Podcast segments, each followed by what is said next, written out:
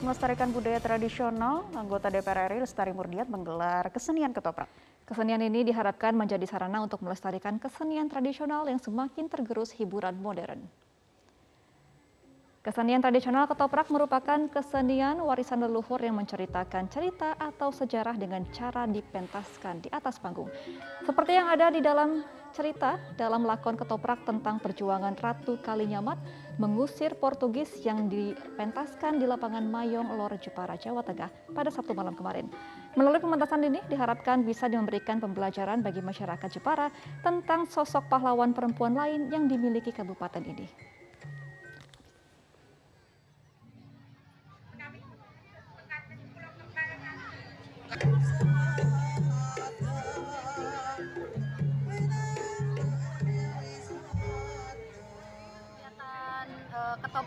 Ini ini bagian dari menghidupkan kembali budaya Jepara untuk memperkenalkan masyarakat juga budaya Jepara apa budaya ketoprak ini dan selama dua tahun pandemi ini kan kita stop ya dari budaya-budaya ketoprak ini jadi kita pengen nanti ke depan uh, lewat Bulestari Murdiat ketoprak menjadi apa namanya marak di Kabupaten Jepara, Demak dan Kudus. Hmm. Terus harapannya nanti kelanjutannya seperti apa? Ini juga ke depan juga kita mempromosikan uh, Ratu Kalinyamat lewat uh, apa namanya ketoprak ini gitu.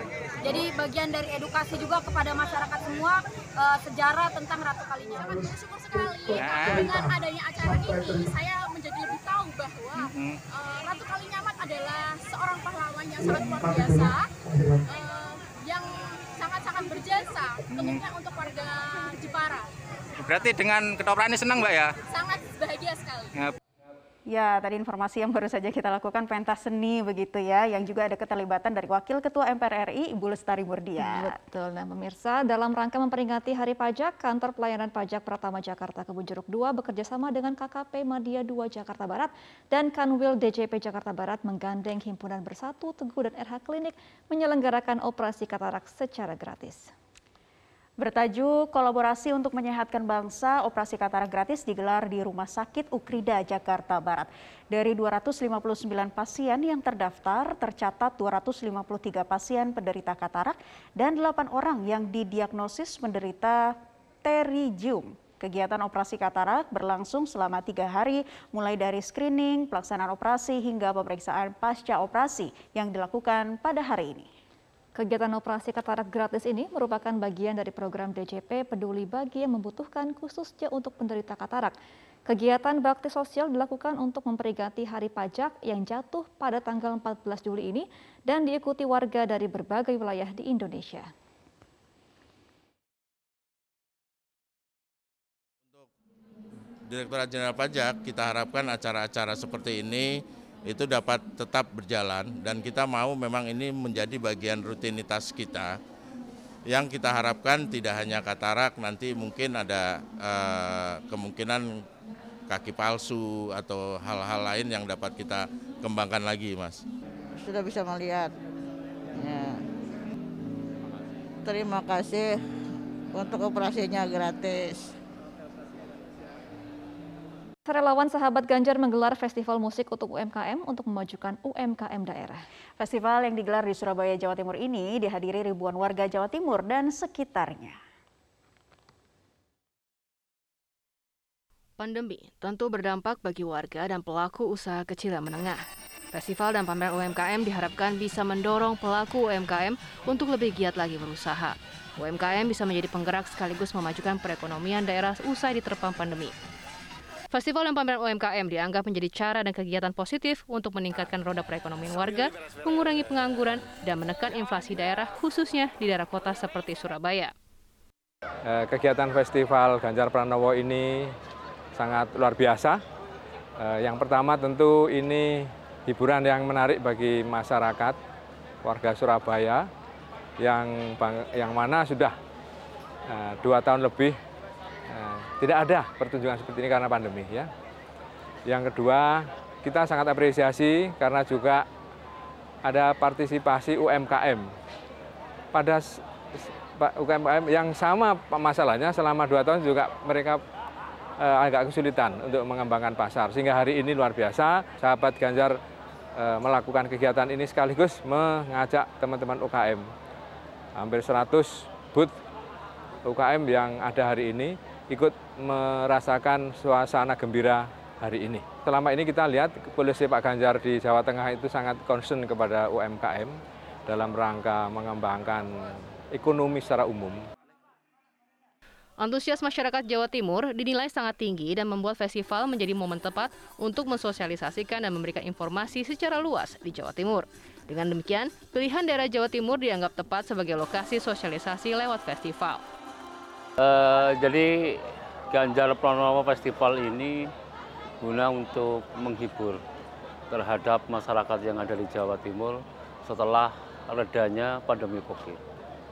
Uh, kemudian kami menggandeng UMKM dalam rangka untuk menggairahkan UMKM yang ada di Jawa Timur setelah terpuruknya mereka terkena pandemi Covid itu. Dulu mereka tidak bisa ngopi, ya sekarang sudah bisa ngopi.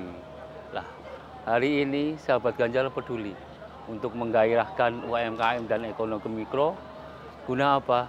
Guna uh, masyarakat yang di situ apa namanya pelaku UMKM ini bisa bangkit, bisa gairah kembali seperti ini. Hari ini sahabat Ganjar peduli dengan UMKM dan ekonomi mikro itu tersebar beberapa setan-setan. Guna apa? Menggairahkan UMKM biar mereka itu uh, senang ya, kemudian dagangannya laku, bisa menghidupi keluarganya dan juga kemudian e, masyarakat daya belinya juga tinggi. Ini. Festival dan konser musik ini juga melibatkan artis ternama seperti Orkes Melayu Adela, Cak Persil, Divanira Indra, Arlida Putri, Andi KDI, Sherly KDI, Nurma KDI, Luciana Jelita, Tasya Rosmala, dan juga Ratnika. Menyusul dikeluarkannya surat edaran Kementerian Perhubungan nomor 72 tahun 2022, per tanggal 17 2022 ini para pengguna jasa kereta api jarak jauh diwajibkan untuk divaksin booster terlebih dahulu sebelum berangkat. Dan apabila masih ada masyarakat atau pengguna kereta api jarak jauh yang masih belum divaksinasi booster, mereka wajib untuk melampirkan hasil screening COVID-19 yaitu negatif dengan menggunakan tes antigen maupun juga dengan menggunakan PCR dengan kurun waktu berlaku yaitu 3 kali 24 jam.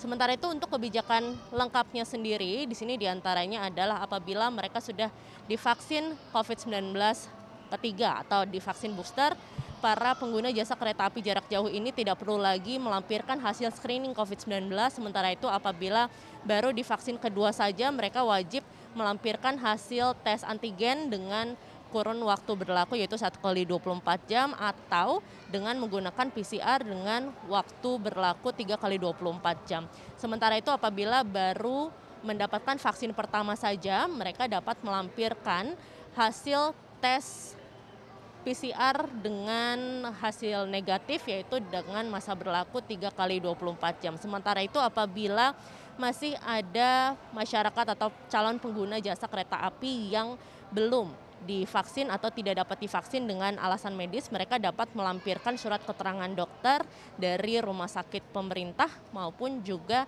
uh, menyertakan hasil negatif COVID-19 dengan menggunakan PCR dengan masa berlaku 3 kali 24 jam.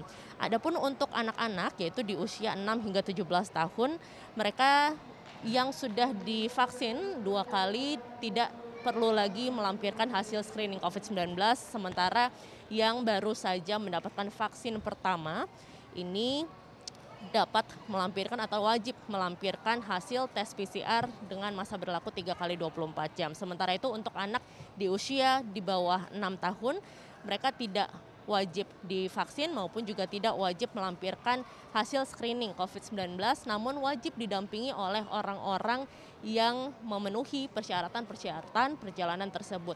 Sementara itu untuk layanan-layanan vaksin sendiri ini sudah disediakan oleh KAI Daob 1 Jakarta yaitu di stasiun Senen dan juga di stasiun Gambir di mana untuk layanan operasional vaksinasi sendiri ini berlaku atau dimulai dari pukul 8 hingga pukul 12 waktu Indonesia Barat setiap harinya. Masyarakat atau para calon pengguna jasa KAI khususnya dapat langsung datang ke sentra vaksinasi yang ada di stasiun Senen dan juga di stasiun Pasar di stasiun Gambir di mana mereka dapat membawa kartu identitas saja yaitu KTP maupun juga kartu keluarga untuk anak yang berusia di bawah 17 tahun. Lalu untuk vaksin yang dipakai sendiri di sentra vaksinasi di stasiun-stasiun ini adalah menggunakan vaksin jenis Pfizer dan juga vaksin jenis Sinovac. Selain layanan vaksin dari KAI Daob 1 Jakarta juga menyediakan layanan tes antigen yaitu yang beroperasi dari pukul 5 hingga pukul 22 waktu Indonesia Barat setiap harinya. Dan untuk layanan antigen sendiri ini dipatok harga sebesar Rp35.000 saja.